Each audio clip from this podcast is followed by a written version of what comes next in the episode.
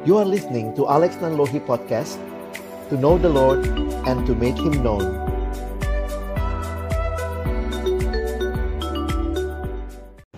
Bapa di dalam surga kami datang dalam ucapan syukur di hari perhentian yang kau berikan kepada kami. Terima kasih karena Tuhan berkenan mengumpulkan kami. Tuhan juga berkenan boleh menerima segala pujian, hormat, dan sembah kami. Tiba waktunya untuk kami membuka firman-Mu ya Tuhan. Kami mohon kiranya ketika kami membuka firman-Mu, bukalah juga hati kami. Jadikanlah hati kami seperti tanah yang baik, supaya ketika benih firman-Mu ditaburkan itu boleh sungguh-sungguh berakar, bertumbuh dan juga berbuah nyata di dalam hidup kami. Berkati baik hambamu yang menyampaikan, semua kami yang mendengar. Tuhan tolonglah kami semua. Agar kami bukan hanya jadi pendengar-pendengar firman yang setia, tapi mampukan dengan kuasa, dengan pertolongan dari rohmu yang kudus, kami dimampukan menjadi pelaku-pelaku firman-Mu di dalam kehidupan kami, di dalam keseharian kami. Bersabdalah ya Tuhan, kami umat-Mu sedia mendengarnya di dalam satu nama yang kudus dan berkuasa. Nama Tuhan kami Yesus Kristus, Sang Firman yang hidup. Kami menyerahkan pemberitaan firman. Amin. Shalom. Selamat pagi Bapak Ibu Saudara yang dikasihi dalam Tuhan Yesus Kristus. Bersyukur buat kesempatan ini yang Tuhan berikan sehingga ibadah rutin setiap minggu biarlah bukan menjadi rutinitas tetapi boleh menjadi kesempatan kita berjumpa dengan Tuhan. Boleh belajar firman-Nya dan juga boleh kembali menjadi saksinya Bapak Ibu Saudara yang dikasihi Tuhan, hari ini kita pulang harus menjawab pertanyaan ini ya. Yang merupakan tema kita. Sudahkah kita bersaksi? Pertanyaan ini biarlah bukan hanya menjadi pertanyaan yang merupakan tema, tetapi pada waktu kita mendengar firman biarlah kita kembali dievaluasi. Kita secara pribadi juga pada akhirnya boleh pulang dan menjawab pertanyaan ini. Sudahkah kita bersaksi? Bagian firman Tuhan yang akan mendasari perenungan kita, hari ini saya ajak kita melihat di dalam kitab kisah para rasul. Kisah para rasul pasal yang pertama, kita akan melihat di dalam ayat yang keempat sampai dengan ayatnya yang kedelapan bagi Bapak Ibu Saudara yang membawa Alkitab boleh membuka atau di HP atau saya juga sudah menuliskan ayatnya ya ada di screen di depan. Mari kita baca bergantian. Saya mulai membaca ayat yang keempat. Bapak Ibu Saudara ayat yang kelima kita bergantian sampai ayat yang kedelapan nanti. Kita akan baca ayat 8-nya bersama-sama ya. Pada suatu hari Ketika ia makan bersama-sama dengan mereka, ia melarang mereka meninggalkan Yerusalem dan menyuruh mereka tinggal di situ, menantikan janji Bapa yang demikian katanya. Telah kamu dengar daripadaku, sebab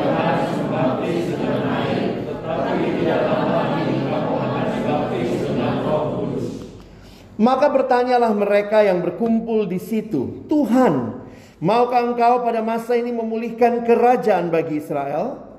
Jawabnya, engkau tidak perlu mengetahui masa dan waktu yang ditetapkan Bapa sendiri untuk kuasa. Sama-sama, tetapi kamu akan menerima kuasa kalau Roh Kudus turun ke atas kamu dan kamu akan menjadi saksiku di Yerusalem dan di seluruh Yudea dan Samaria dan sampai ujung bumi.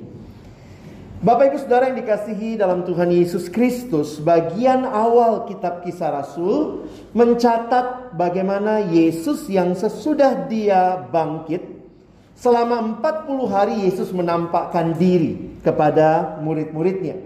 Dia mengajar kepada mereka tentang kerajaan Allah dan sesudah itu kalau kita lihat dalam kisahnya di ayat yang berikutnya dari bacaan kita, Yesus terangkat ke sorga. Nah, jadi yang menarik untuk kita perhatikan, bagian yang kita akan bahas pagi ini adalah percakapan yang terjadi sebelum Yesus naik ke surga, sesudah dia bangkit. Kalau Bapak Ibu Saudara memperhatikan bahwa fokus yang dimengerti oleh murid-murid waktu itu, karena itu perhatikan pertanyaan mereka. Tuhan, maukah engkau pada masa ini memulihkan kerajaan bagi Israel? Bayangan mereka adalah Yesus akan datang dan ketika dia sudah bangkit dan menang, maka kapan kami sebagai umat Israel, bangsa Israel ini lepas dari penjajahan? Sehingga pemahaman mereka adalah pemahaman nasionalisme. Bagaimana Tuhan memulihkan kerajaan bagi Israel. Itulah gambaran Mesias yang mereka nantikan. Tetapi Yesus menyatakan hal yang jauh lebih besar dari itu. Kamu tidak perlu tahu waktunya, masanya yang ditetapkan Bapa sendiri menurut kuasanya. Tetapi kepada murid-muridnya ada yang menjadi tugas mereka. Bukan tugas pemulihan politik, tetapi sebuah tugas membawa berita sukacita Injil sambil menunggu Yesus akan datang kedua kalinya. Nah, jadi menarik sekali untuk memperhatikan bagian ini dan secara khusus saya mau ajak kita memperhatikan ayat yang ke-8. Bapak Ibu kalau lihat ayat yang ke-8, Bapak Ibu bisa melihat di situ muncul kata saksi. Ya. Tetapi kamu akan menerima kuasa kalau Roh Kudus turun ke atas kamu dan kamu akan menjadi saksiku. Mulai dari Yerusalem, di seluruh Yudea dan Samaria dan sampai ke ujung bumi. Saudara, kata saksi itu menjadi kata yang penting. Saya pikir juga karena itu melekat kepada kita sebagai murid Kristus. Sebagai murid Kristus kita diminta untuk menjadi saksi. Kamu akan menjadi saksiku. Nah, di dalam kata asli bahasa Yunani, kata saksi di sini di ayat yang ke-8 itu dipakai kata martureo, ya. Dari kata inilah kita dapat istilah martir. Jadi sebenarnya martir itu bukan hanya orang yang mati sahid atau mati karena kepercayaannya, tetapi kata dasarnya itu adalah saksi. Mungkin kalau kita kombinasi berarti jadi saksi sampai mati, bahkan siap untuk mati. Nah, kalau kita perhatikan martir ini menjadi istilah yang lazim dipakai untuk menunjuk kepada orang-orang yang sampai mengorbankan nyawanya karena iman mereka. Tetapi kata saksi sendiri itu sebenarnya sederhana ya. Saksi adalah seorang yang menegaskan atau membuktikan sebuah fakta. Bapak Ibu lihat kecelakaan. Wah, waktu lihat kecelakaan itu hadir di situ, wah Bapak Ibu jadi saksi.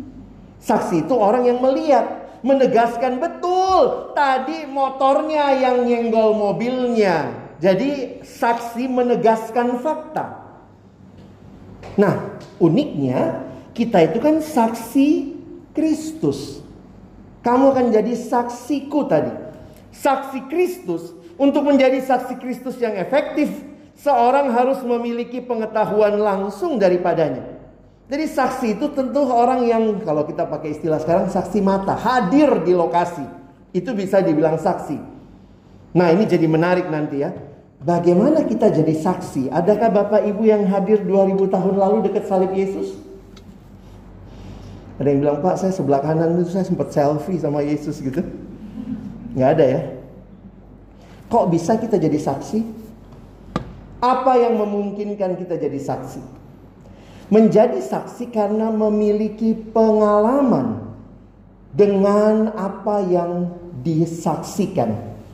Karena itu menarik kalau kita perhatikan bahwa Roh Kudus membawa setiap kita orang percaya mengalami kesatuan dengan Kristus sehingga pengalaman yang terjadi 2000 tahun yang lalu Yesus yang mati dan bangkit itu menjadi pengalaman kita. Kenapa kita bisa percaya? Karena melalui firman Roh Kudus bekerja, kita baca firman, kita bisa yakin bahwa yang terjadi 2000 tahun yang lalu, Yesus yang mati dan bangkit itu hal yang terjadi bagi saya. Jadi, bolehkah kita dibilang saksi? Ya iya, karena kita mengalami karya Roh Kudus yang membawa kita mengenal siapa Tuhan Yesus. Nah hari ini saya mau menegaskan empat pertanyaan lagi untuk kita pikirkan dan jawab untuk membawa pulang tema kita hari ini yang pertanyaan juga ya. Sudahkah kita bersaksi? Saya ingin ajak saudara menjawab empat pertanyaan. Yang pertama, siapa saksi itu? Yang kedua, apa isi kesaksiannya?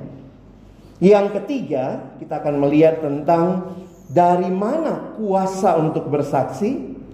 Dan yang terakhir, yang keempat, kita akan melihat di mana kita bersaksi. Oke, kita akan mulai dari yang pertama terlebih dahulu. Siapakah saksi itu?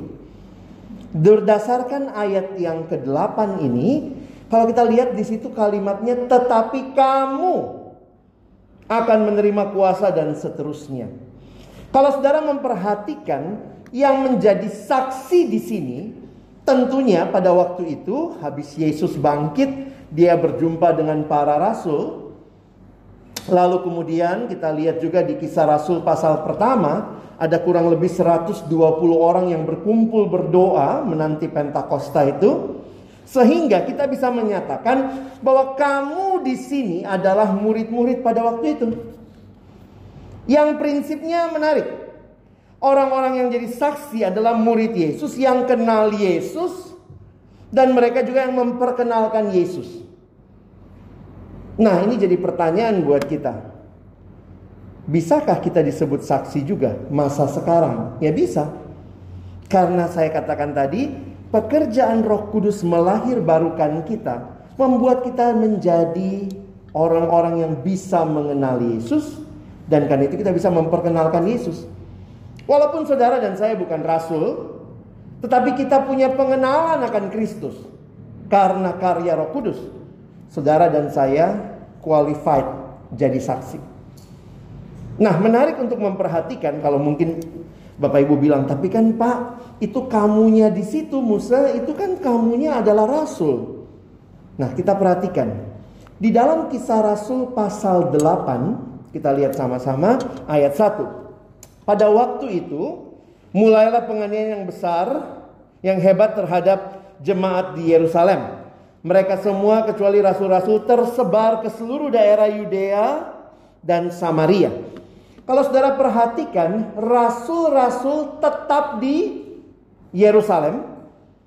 Sementara penganiayaan yang hebat itu membuat orang-orang itu tersebar kecuali rasul-rasul. Menarik ya. Rasulnya tetap di markas besar Yerusalem. Yang lain tersebar. Perhatikan kalimat berikutnya. Di pasal 8 ayat 4 kita baca sama-sama ya. Satu dua ya. Mereka yang tersebar itu Jadi siapa yang tersebar memberitakan Injil? Semua kecuali rasul. Kadang-kadang kita pikir begini ya, ya tugas beritain Injil, tugas bersaksi itu tugasnya Musa lah, contoh lah ya, tugasnya guru Injil, lause. Tapi saudara, dari apa yang kita baca di kisah Rasul, justru bukan hanya Rasul memberitakan Injil, bahkan ketika Rasul-Rasul tidak bisa meninggalkan Yerusalem, mereka bertanggung jawab di markas besar di Yerusalem, maka orang-orang yang tersebar itu dituliskan mereka lah yang memberitakan Injil. Sehingga kalau kita mau simpulkan, siapakah yang bersaksi? Bersaksi itu bukan milik sekelompok elit gereja. Oh, dia pendeta, dia majelis, udahlah urusan dia bersaksi memberitakan Injil. Tetapi menjadi tanggung jawab tugas hak istimewa yang diberikan Allah bagi setiap kita yang sudah mengenali Yesus untuk juga hadir memperkenalkan Yesus. Jadi saya harap kita paham poin yang pertama bahwa saksi itu siapa? Semua kita yang sudah kenal Yesus kita dipanggil juga untuk memperkenalkan Yesus menjadi saksiku, saksi bagi Kristus. Kenapa? Karena kita telah mengalami perjumpaan pribadi dengan Kristus. Jadi kalau kira-kira saya pilih gambar ini ya. Saksi Kristus itu yang mana? Bukan orang-orang yang pakai baju pendeta ya. Saja. Bukan kami saja. Bukan hamba Tuhan saja. Tapi semua kita. Dalam segenap profesi, kehadiran kita tinggal tambah ya foto saudara di sampingnya ya kok saya nggak ada pak? Ya ibu rumah tangga. Oh saya nggak ada nih saya pensiunan gitu ya. Saya nah, tinggal tambah aja. Tapi kira-kira kalau lihat saksi Kristus kira-kira gambarnya ini. Jangan dibuat gambarnya yang pakai toga pakai kolar begini ya. Bukan hanya kami semua kita yang sudah mengenal Yesus kita dipanggil memperkenalkan Yesus jadi saksi. Ini yang pertama Nah, yang kedua, nah ini saya mungkin lebih lama di sini ya. Apa isi kesaksiannya? Saudara, kalau kita bersaksi, emang ada peristiwa apa? Maka kalau kita tahu, saya dipanggil jadi saksi, katanya saya juga saksi Kristus. Apa yang saudara dan saya saksikan? Tentunya yang paling utama adalah Yesus. Kan kita dipanggil jadi saksiku. Lihat ya kalimatnya. Kata yang dipakai saksiku. Nah, pertanyaan sederhananya begini. Apa yang mau kita saksikan tentang Yesus? Bagaimana Yesus yang kita saksikan itu? Menarik sekali dalam Alkitab. Kita bisa belajar bahwa hidup Yesus itu sebuah hidup yang utuh ya. Mulai dari dia lahir sampai mati, bangkit naik ke surga dan janji akan datang kedua kali. Tetapi menarik sekali kalau memperhatikan bahwa ada dua peristiwa utama yang sangat membedakan Yesus dari semua yang lain. Dua peristiwa Injil ya. Saya mengutip apa yang dijelaskan pendeta John Stott. Ada dua peristiwa Injil yang menjadi berita kesaksian kita. Kalau Bapak Ibu nanti ada waktu di rumah, coba cari ya. Di kitab kisah Rasul, pasal 1, pasal 2, pasal 3. Terus nanti ya sampai kira-kira pasal 6 atau 7. Perhatikan kata saksi. Ternyata setiap kali Lukas menulis, kamu adalah saksi atau inilah kesaksian itu, biasanya mengacu kepada dua peristiwa tentang Yesus. Nah, mungkin kita jadi tanya, eh, emang ada dua peristiwa apa tentang Yesus? Karena bagi saya ini sangat membedakan. Nanti cek ya. Saya waktu perhatikan misalnya di pasal 3, pasal 2, kamu adalah saksi. Apa yang disaksikan itu ada beritanya di atasnya ya. Nah, salah satunya ini. Kita lihat kisah Rasul 2 ayat 23 dan 24. Kita baca dua ayat ini sama-sama ya. Satu, dua, ya. Dia yang diserahkan Allah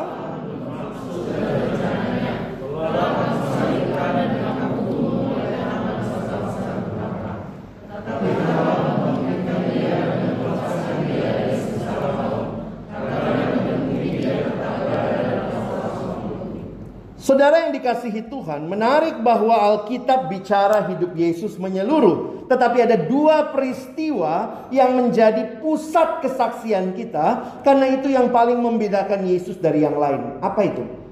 Kematian dan kebangkitannya. Saudara unik ya, ini berita yang hanya dimiliki oleh Yesus. Semua pendiri agama ada hari kelahiran. Semua pendiri agama ada hari kematian. Tetapi hanya Yesus yang punya hari kebangkitan. Ada yang bahkan lihat Kristen ini agama apa sih? Unik juga ya. Kristen itu agama kematian. Lambangnya apa? Bapak Ibu tahu salib itu apa? Alat hukuman mati zaman itu. Sekarang alat hukuman mati apa ya? Tembak ya. Bayangkan ada gereja simbolnya pistol. Bapak Ibu bayangkan kalau kalungmu bukan salib tapi pistol semua. Terus kita jalan gitu. Ih, kita sekarang jadiin salib aksesoris ya. Udah unik gitu ya, emas apa. Tapi bayangkan di zaman itu gereja kira-kira abad kelima memilih simbol salib sebagai simbolnya. Agama apa ini? Agama kematian. Tetapi kita ibadahnya hari Minggu. Kenapa? Apa yang kita peringati setiap hari Minggu? Yesus yang bangkit. Unik bahwa pusat kesaksian tentang Yesus, peristiwa yang disaksikan adalah mati dan bangkitnya. Coba kita lihat lagi ya. Paulus bicara hal yang sama di 1 Korintus 15. Ayo kita baca sama-sama pelan-pelan aja. Satu dua ya. Sebab yang sangat penting telah kusampaikan kepadamu yaitu apa yang telah kuterima sendiri bahwa Kristus telah mati karena dosa-dosa kita sesuai dengan kitab suci dikuburkan dan bahwa ia telah dibangkitkan pada hari yang ketiga sesuai dengan kitab suci bahwa ia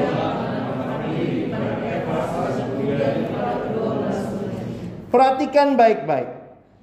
Fokusnya bukan kepada kelahiran Yesus. Fokusnya bukan kepada pengajaran Yesus. Bahkan juga fokus yang disaksikan bukan mujizatnya Yesus ya. Tetapi yang disaksikan apa? Yang sangat penting itu apa? Yesus yang mati dan Yesus yang bangkit. Saya mengajar mata kuliah tentang penginjilan Bapak Ibu ya. Dan saya pelajari hampir semua metode penginjilan memang berita utamanya kalau kita penginjilan adalah Yesus yang mati dan bangkit. Jarang tuh kalau kita penginjilan kita ceritain bahwa oh Yesus bikin mujizat ini loh begitu ya. Kalau saudara belajar metode penginjilan kayak EE misalnya maka berita utamanya adalah Kristus yang mati, Kristus yang bangkit. Kalau Paulus diminta, tolong Rasul Paulus dalam dua menit jelaskan apa inti Injil. Kira-kira Paulus jawab ini ya, anggaplah ada wawancara sama Paulus waktu itu ya. Apa itu Paulus? Dia bilang yang sangat penting telah kusampaikan yaitu Kristus yang mati dan Kristus yang bangkit. Bagaimana tahu dia mati? Dia dikuburkan. Karena apa saudara ya? Yesus nggak pernah bangkit kalau nggak pernah sungguh-sungguh mati kan? Yesus pingsan atau mati? Hmm? Kalau Yesus cuma pingsan, maka pasca itu bukan kebangkitan, siumannya Yesus. Kita memperingati hari siumannya Yesus. Karena dia cuma pingsan. Tapi dia sungguh-sungguh mati dan buat orang Yahudi mati pada waktu itu tiga hari itu menandakan benar-benar mati. Nggak ada formalin waktu itu ya. Tiga hari, sesudah tiga hari dia bangkit. Kan ada yang iseng nanya, kenapa tiga hari sih Musa? Kenapa nggak lebih cepat? Ya untuk menunjukkan dia benar-benar mati. Kalimat Paulus di sini dia telah dikuburkan. Berarti benar mati. Siapa yang nguburin orang hidup? Bodoh ya. Nguburin orang pingsan. Enggak. Sungguh-sungguh mati dan dia sungguh-sungguh bangkit. Saudara, jadi dua peristiwa ini menjadi pusat inti berita kesaksian Kristen. Yesus yang mati dan Yesus yang bangkit. Nah mungkin kita nanya, kalau begitu Musa gimana cara saya memberitakan Yesus yang mati dan bangkit? Kalau saya saya bersaksi, saya kan mesti cerita Yesus mati, Yesus bangkit. Nah, tapi ada satu hal penjelasan Paulus yang menarik buat saya. Karena Paulus tidak hanya melihat berita Yesus yang mati dan bangkit sebagai sebuah berita di luar diri kita, tetapi Paulus melihat kematian dan kebangkitan itu sebagai sesuatu yang menyatu dengan diri kita. Kita lihat ya. Ayatnya ada di Roma 6 ayat 9 dan 10. Saya coba jelaskan buat kita. Perhatikan kalimatnya. Karena kita tahu bahwa Kristus sesudah ia bangkit dari antara orang mati tidak mati lagi. Maut tidak berkuasa lagi atas dia. Nah, sekarang lihat pengalaman Yesus. Sebab kematiannya adalah kematian terhadap dosa. Satu kali dan untuk selama-lamanya. Sesudah mati Yesus ngapain saudara? Bang, bangkit. Kalau dia bangkit berarti dia hi, hidup. Dan kehidupannya karena dia bangkit adalah kehidupan bagi Allah. Mati terhadap dosa, bangkit hidup bagi Allah. Itu pengalaman Yesus. Lalu kita terima Yesus kan? Oh, saya terima Yesus yang mati dan bangkit. Lihat kalimat Paulus persis di bawahnya. Ayat berapa di bawahnya berarti? 9 10 bawahnya ayat 11. Demikianlah hendaknya kamu memandangnya bahwa kamu telah mati bagi dosa tetapi kamu bangkit juga loh hidup bagi Allah dalam Kristus Yesus. Saudara bisa lihat yang mati Yesus terhadap dosa bangkit hidup bagi Allah. Tapi karena saya percaya pada Yesus, maka saya pun mati bagi dosa dan saya bangkit hidup bagi Allah. Jadi saya mau tanya sekarang. Isi kesaksian itu ada di Yesusnya saja atau ada di kitanya? Dua-duanya ya. Makanya kesaksian kita hidup yang sudah baru dalam Kristus Hidup yang punya nilai yang baru, tidak lagi menikmati dosa, tapi hidup bagi Allah, itu kesaksian yang luar biasa. Bagaimana orang bilang, "Mana Yesus?" Kau bilang Yesus mati dan bangkit. Mana buktinya? Ada satu pujian menarik ya. Ku melayani Tuhan yang bangkit bagiku. Ku tahu dia sungguh hidup Meski yang lain ragu, ku rasakan rahmatnya, ku dengar firmannya. Dalam setiap saat dia selalu dekat. Lalu refrennya ya. Hidup, hidup, Yesus Kristus hidup. Dia sertaku, dia pimpinku sepanjang jalanku. Hidup, hidupku diselamatkannya. Nah lalu ada pertanyaan di lagu ini ya. Kau tanya bukti dia hidup. Apa jawabannya? Dia hidup dalamku. Kalau orang mau lihat Yesus yang mati dan bangkit, dia lihatnya di mana saudara? Tidak semua orang kan mau langsung ke gereja ya. Maka hidup saudara, hidup saya yang juga sudah mati terhadap dosa dan bangkit untuk hidup bagi Allah. Menjadi berita yang menjadi berita Injil yang kita saksikan kepada dunia di sekitar kita. Jangan selalu pikir hafalkan teori-teori penginjilannya. Teori oh Yesus itu mati di kayu salib. Ya kita mungkin bisa jelaskan itu. Tetapi ketika kita menghidupi itu. Maka penjelasan kita dan hidup yang kita tunjukkan menjadi kesatuan yang kiranya Tuhan pakai membawa orang kenal kenal Yesus. Nah, saudara ini menjadi menarik. Berita itu bukan objek. Kadang-kadang kita pikir kalau saya bersaksi tentang Yesus, ya saya ceritain Yesus. Tetapi yang saya ceritakan bukan cuma Yesusnya, tetapi bagaimana Yesus telah mengubah hidupku dan hidupku ini aku ceritakan, aku bagikan sebagai kesaksian apa yang dia lakukan bagiku. Kalau dulu cinta sekali sama judi, itu hidup yang lama. Kenal Yesus, mati terhadap judi. Sekarang hidup. Hidup bagi siapa? Hidup bagi Allah. Maka kita bisa jadi berkat, mungkin bisa tolong orang. Kadang saya mikir ya, orang kalau hidup bagi dosa, dosa itu intinya apa saudara? Diri kita. Aku, aku, aku. Makanya dalam bahasa Inggris ada pertanyaan gini ya. How do you spell sin?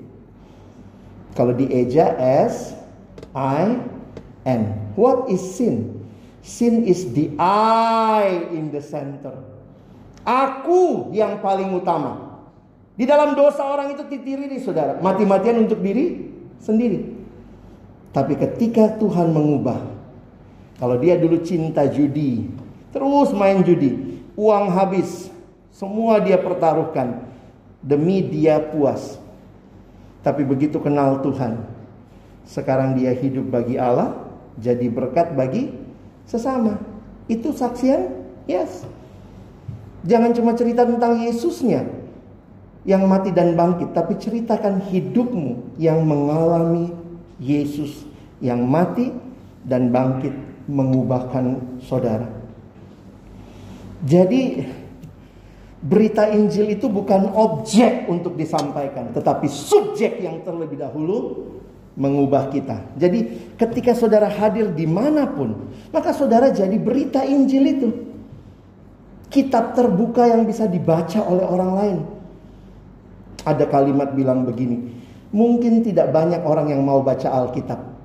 Tapi ketika hidup saudara adalah kitab yang terbuka, mungkin kamu Alkitab yang mereka bisa baca sebelum mereka datang kepada Alkitab yang sesungguhnya.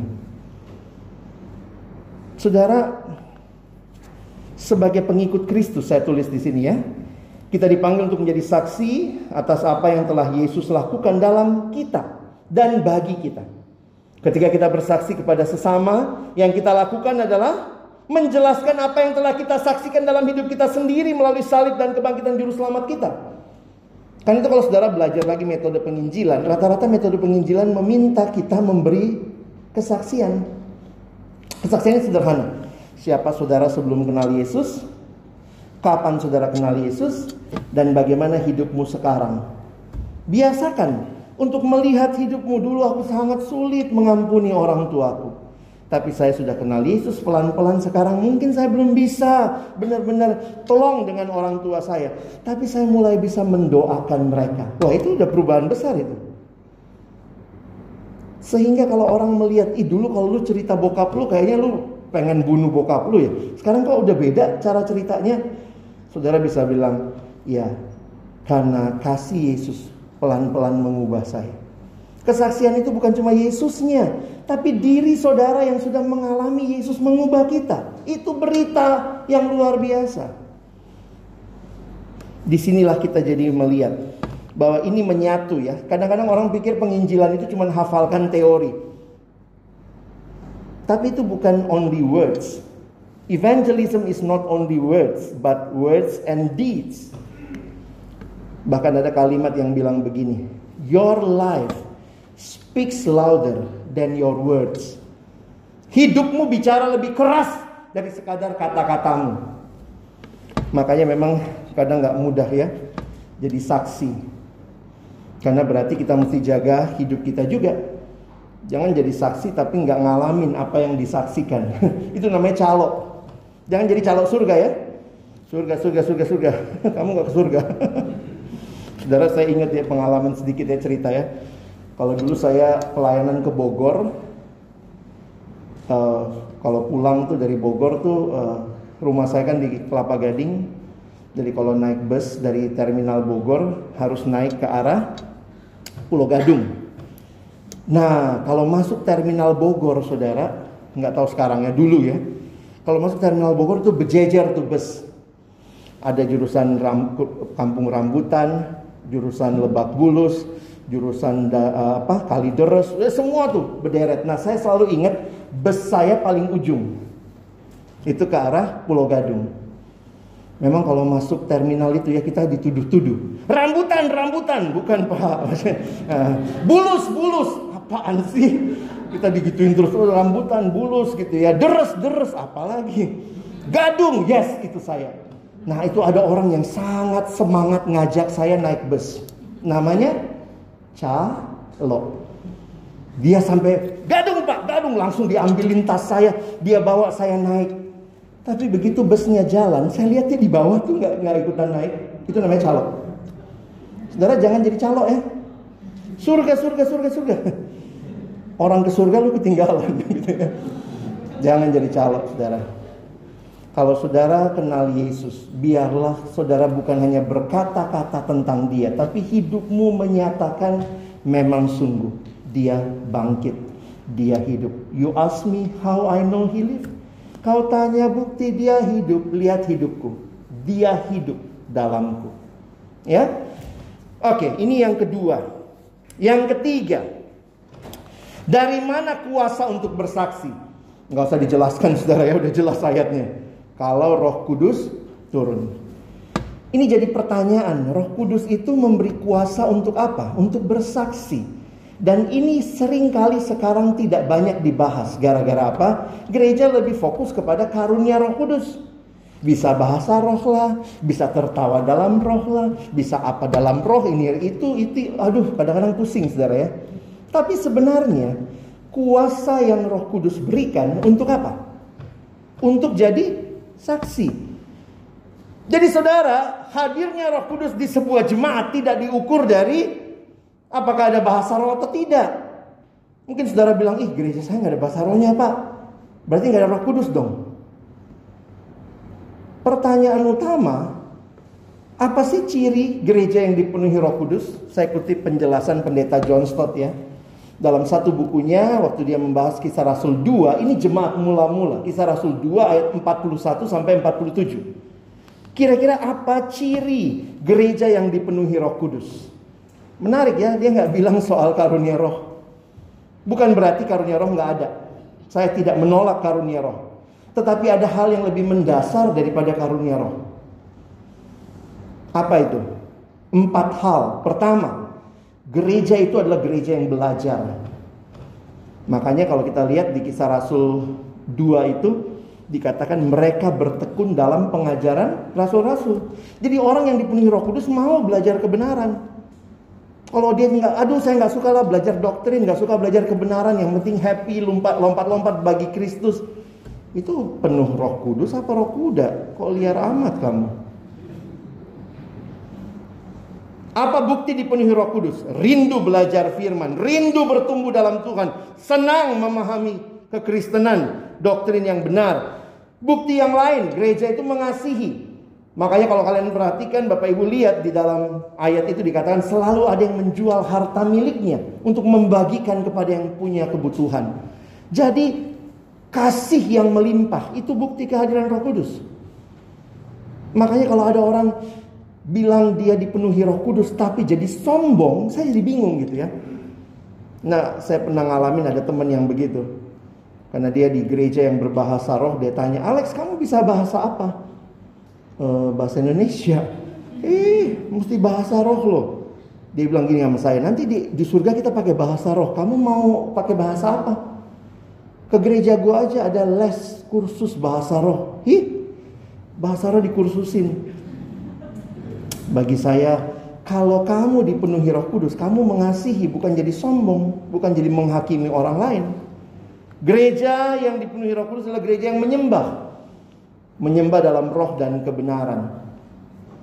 Kita lihat di gereja mula-mula mereka berdoa, mereka juga kemudian membaca firman Tuhan, mereka memecahkan roti, itu kan perjamuan kudus ya. Dan ini yang menarik, yang terakhir. Bahwa itu adalah gereja yang bermisi, saudara. Kenapa? Kalau roh kudus hadir dalam jemaat, kuasanya itu mendorong kita bersaksi. Perhatikan ayat ini.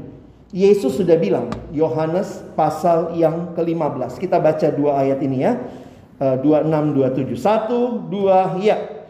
Jikalau penghibur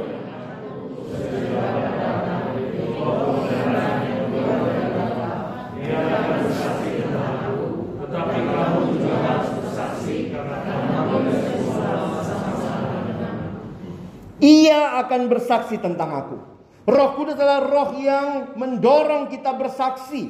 Karena dia sendiri adalah pribadi yang bersaksi ia akan bersaksi, tapi kamu juga. Yesus bilang gitu ya. Nah, karena itulah Yesus bilang, "Tunggu, kalau Roh Kudus turun, kamu akan diberikan kuasa untuk bersaksi." Roh Kudus tidak hanya membawa kita makin mirip Yesus, itu bekerja dalam diri kita. Jangan pikir Roh Kudus cuma bekerja di dalam, tapi Roh Kudus mendorong kita keluar untuk menyaksikan Kristus di mana pun kita pergi. Dalam bahasa Inggris kalimatnya dikatakan the Holy Spirit did not just internalize Jesus but universalize Jesus. Bukan hanya bekerja di dalam tapi keluar memperkenalkan Yesus. Ini kalimat seorang bishop namanya William Temple. Dia bilang begini, tidak ada yang bisa memiliki atau tepatnya didiami roh. Jadi kalau orang bilang, "Ih, saya punya Roh Kudus." Dia bilang nggak mungkin kalau orang itu punya Roh Kudus dan dia menyimpan roh itu untuk dirinya sendiri. Di mana roh berada, dia mengalir keluar. Jika tidak ada aliran keluar, dia nggak ada. Jadi saudara, kiranya gereja ini dipenuhi Roh Kudus. Bukan hanya karena ada orang-orang yang mungkin punya karunia roh, tapi lebih jauh lagi orang-orang yang buah roh nyata pergi keluar menjadi saksi. Terakhir, di mana bersaksi? Di Yerusalem, di seluruh Yudea, Samaria sampai ke ujung bumi. Saudara harus ke tanah suci nih, Yerusalem. Tapi ingat, Yesus tidak hanya bicara geografis. Kalau Bapak Ibu perhatikan, Yerusalem itu nama apa? Nama kota. Yudea, nama provinsi. Yerusalem ada di provinsi Yudea. Samaria, provinsi lain. Nah ini gambarnya ya. Itu Yerusalem, kota. Terletak di provinsi Yudea. Sampingnya Samaria. Yesus itu bilangnya bermisi, bersaksi mulai dari tempat di mana kamu hadir. Yesus bilang ini di mana? Di Yerusalem, karena murid-murid lagi di Yerusalem. Mulai dari Yerusalem, Yudea provinsinya, Samaria provinsi lain sampai ujung bumi. Ujung bumi di mana? Kitab Kisah Rasul ditulis di masa itu. Saudara tahu peta pada masa itu kira-kira begini petanya. Jadi yang paling dianggap ujung bumi waktu itu adalah kota Roma. Makanya kalau Bapak Ibu baca kitab kisah Rasul bermula di Yerusalem, kisah Rasul 2, berakhir di kisah Rasul 28 itu Injil sampai di kota Roma. Waktu itu ujung bumi ya karena memang paling ujung ya. Lihat Yerusalemnya tuh paling sana. Yerusalem tuh paling kanan bawah, ujung buminya yang dimengerti waktu itu adalah kota Roma. Makanya persis kitab kisah Rasul berakhir di kota Roma. Jadi kira-kira Yesus ngajarin mesti ke sana bersaksi. Bersaksi mulai dari tempat di mana saudara ada. Puji Tuhan sih kalau ada yang bilang, Pak Pendeta Musa, saya dapat beban untuk ke Papua. Oh, tapi mungkin Tuhan bilang di rumahmu dulu ya. No, ada yang Ya puji Tuhan kalau memang harus ke Papua siapkan diri ya. Oh Musa saya dapat beban ke Afrika. Oh saya ingin sekali mengabarkan Injil. Tunggu dulu sama mamamu di rumah, papamu, sama koko, cici, dede, keluarga besar. Kepada yang bantu kamu di rumah, supir. Kadang kita lihatnya kejauhan ya. Kita lupa banyak orang yang Tuhan sudah tempatkan di sekitar kita. Memang tempat paling sulit bersaksi itu di mana? Di rumah ya. Ah ngomong Yesus Yesus bangun pagi nggak bersihin tempat tidur. jadi memang itu jadi batu sandungan terbesar. Tapi belajarlah di situ Tuhan hadirkan saudara. Tidak kebetulan. Di mana Yerusalemmu? Jawablah saudara masing-masing. Di mana Yerusalem? Di tempat kerja, di sekolah, di kampus, di lingkungan masyarakat bersyukur ya gereja 17-an kemarin juga hadir buat masyarakat di sini ya. Bagus juga tuh tanggal 27 kita bersih-bersih Teluk Gong ya. Bukan bersih-bersih Monas ya Pak Yunus ya. Kejauhan. Yang sini aja dulu. Depan-depan sini dulu. Makanya kalimat ini dituliskan sampai ke ujung bumi. Ungkapan ini menandakan pewartaan Injil kepada semua orang di mana pun mereka berada. Jadi jangan ya ada ada penafsir bilang gini, di mana ujung bumi? Ujung bumi adalah tepat di mana kaki saudara berdiri. Itu ujung bumimu. Gak usah cari-cari ujung bumi yang lain ya. Saya mau ke Roma, ya bilang aja mau jalan-jalan, tur aja lah ke sana, nggak usah sok-sok bersaksi, ya. Depan katedral segala macam ya. Dulu misi itu dari dunia barat ke Indonesia, ke negara-negara. Tapi sekarang kan misi tidak hanya dari barat ya. Indonesia sudah kirim misionaris juga Makanya ada yang bilang dulu mission is from the west to the rest of the world. Sekarang misi from everywhere to everywhere. Mari jadi saksi di mana pun Tuhan hadirkan kita. Mulai dari tempat yang paling kecil, di rumah kita, di keluarga besar, di lingkungan tetangga, bahkan sampai lingkungan masyarakat. Saudara hadirlah jadi berkat. Kadang buat orang muda saya tambahkan ya. Kadang-kadang sekarang kalau dibilang jadi garam dan terang dunia, di mana duniamu? Ya, di mana kamu hidup tentunya ya. Tapi juga sekarang dunia dunia maya. ya. Belajar posting yang baik ya. Jangan saya tadi cerita gitu. Kadang-kadang lihat anak remaja posting, saya pikir lu sekolah tinggi-tinggi cuma bisa empat huruf, A, R, G, H, R gitu ya. Postingnya cuma itu hurufnya. Terus kadang-kadang postingnya bete, E-nya panjang. Saya pernah lihat ada yang posting begitu ya. Gua bete gitu ya, terus captionnya hitam. Terus kan kita yang liatin juga bingung gitu ya. Kenapa nih anak ya? Tahu nggak teman-teman apa yang terjadi lima menit kemudian? Dia tulis di bawah, woi komen dong. Ini orang cari perhatian ya.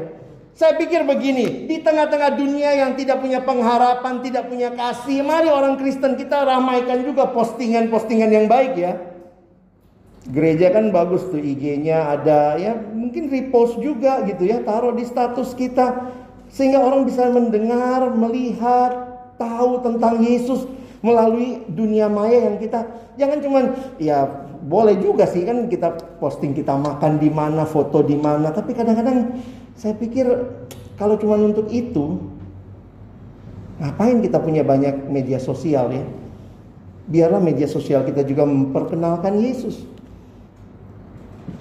Sekarang kan banyak anak muda gitu ya. Healing, healing. Gue nggak tahu lu sakit apa udah mau healing aja gitu ya terlalu lebay, jujur ya. Kadang-kadang saya pikir lebay amat sih. Biarlah saudara bukan cuma posting, gue lagi healing. Eh fotonya ke Indomaret healing. Sorry ya sebut merek ya. Ada tuh ke Indomaret dandan gitu ya, rasanya healing gitu ya. Poin saya adalah di, di tengah dunia bicara healing-healing, kamu posting ke gereja itu healing beneran ya. gue habis pulang healing nih di gereja, gue ketemu dokter yang paling agung gue Saudara ya itu medsosmu lah, saudara pakai. Saya ingat selalu ya, kalau kita punya follower, jangan cuma senang punya follower, tapi ingat kita mau ajak mereka follow siapa? Follow diri kita. Paulus bilang, follow me as I follow Christ. Ikuti aku seperti aku ikut Yesus. Kiranya follower di IG saudara, di Instagram, di Facebook saudara juga makin kenal Yesus lewat postingan saudara. Orang pagi-pagi tuh nggak buka Alkitab ya, buka FB ya, mama-mama ya. Maka bagus juga, saya bersyukur mama saya ikut grup-grup gitu ya, ibu-ibu ya, lanjut usia. Pagi-pagi tuh banyak kirim ayat, mungkin udah mau deket surga ya. nggak tahu tuh ya. Kalau di grup anak muda pagi-pagi ayo kirim apa pagi-pagi? Nggak tahu dah kata-kata motivasi kali ya.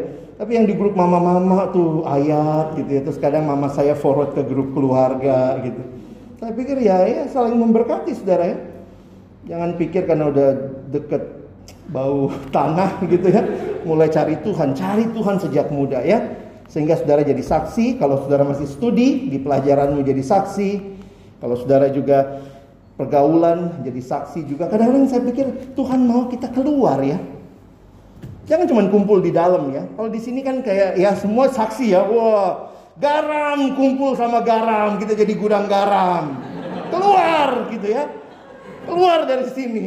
Saksi di tempat di mana Tuhan hadirkan kita. Yang pacaran, jadilah orang yang bersaksi bagaimana pacaran Kristen yang baik. Jangan main nyosor-nyosor aja. Ya. Ada kalimat di bawahnya kelihatan nggak tuh? True love wait, save it until marriage. Jangan buka kado sebelum ulang tahunnya. Tahan. Dalam pekerjaan. Bagaimana saudara jadi saksi, jadi berkat di sana. Dan juga tentunya dalam hidup rumah tangga. Kiranya kita pulang sudah jawab pertanyaan tadi ya. Sudahkah kita bersaksi? Jangan jawab saya. Jangan jawab Pak Yunus, jawablah Tuhan yang juga sudah memberikan saudara kesempatan kamu saksiku. Tuhan juga sudah memberikan kuasanya dan Tuhan sudah kasih tahu mulai dari mana. Bagian kita adalah pulang dan jadi saksi. Amin. Mari berdoa. Tuhan terima kasih buat firman-Mu. Kiranya setiap kebenaran memerdekakan hati kami untuk hidup hanya bagi Tuhan. Terima kasih. Kiranya hidup yang sudah Engkau baharui menjadi hidup yang kami hidupi menyaksikan Kristus dalam keseharian kami. Dalam nama Yesus kami bersyukur. Kami sudah berdoa. Amin.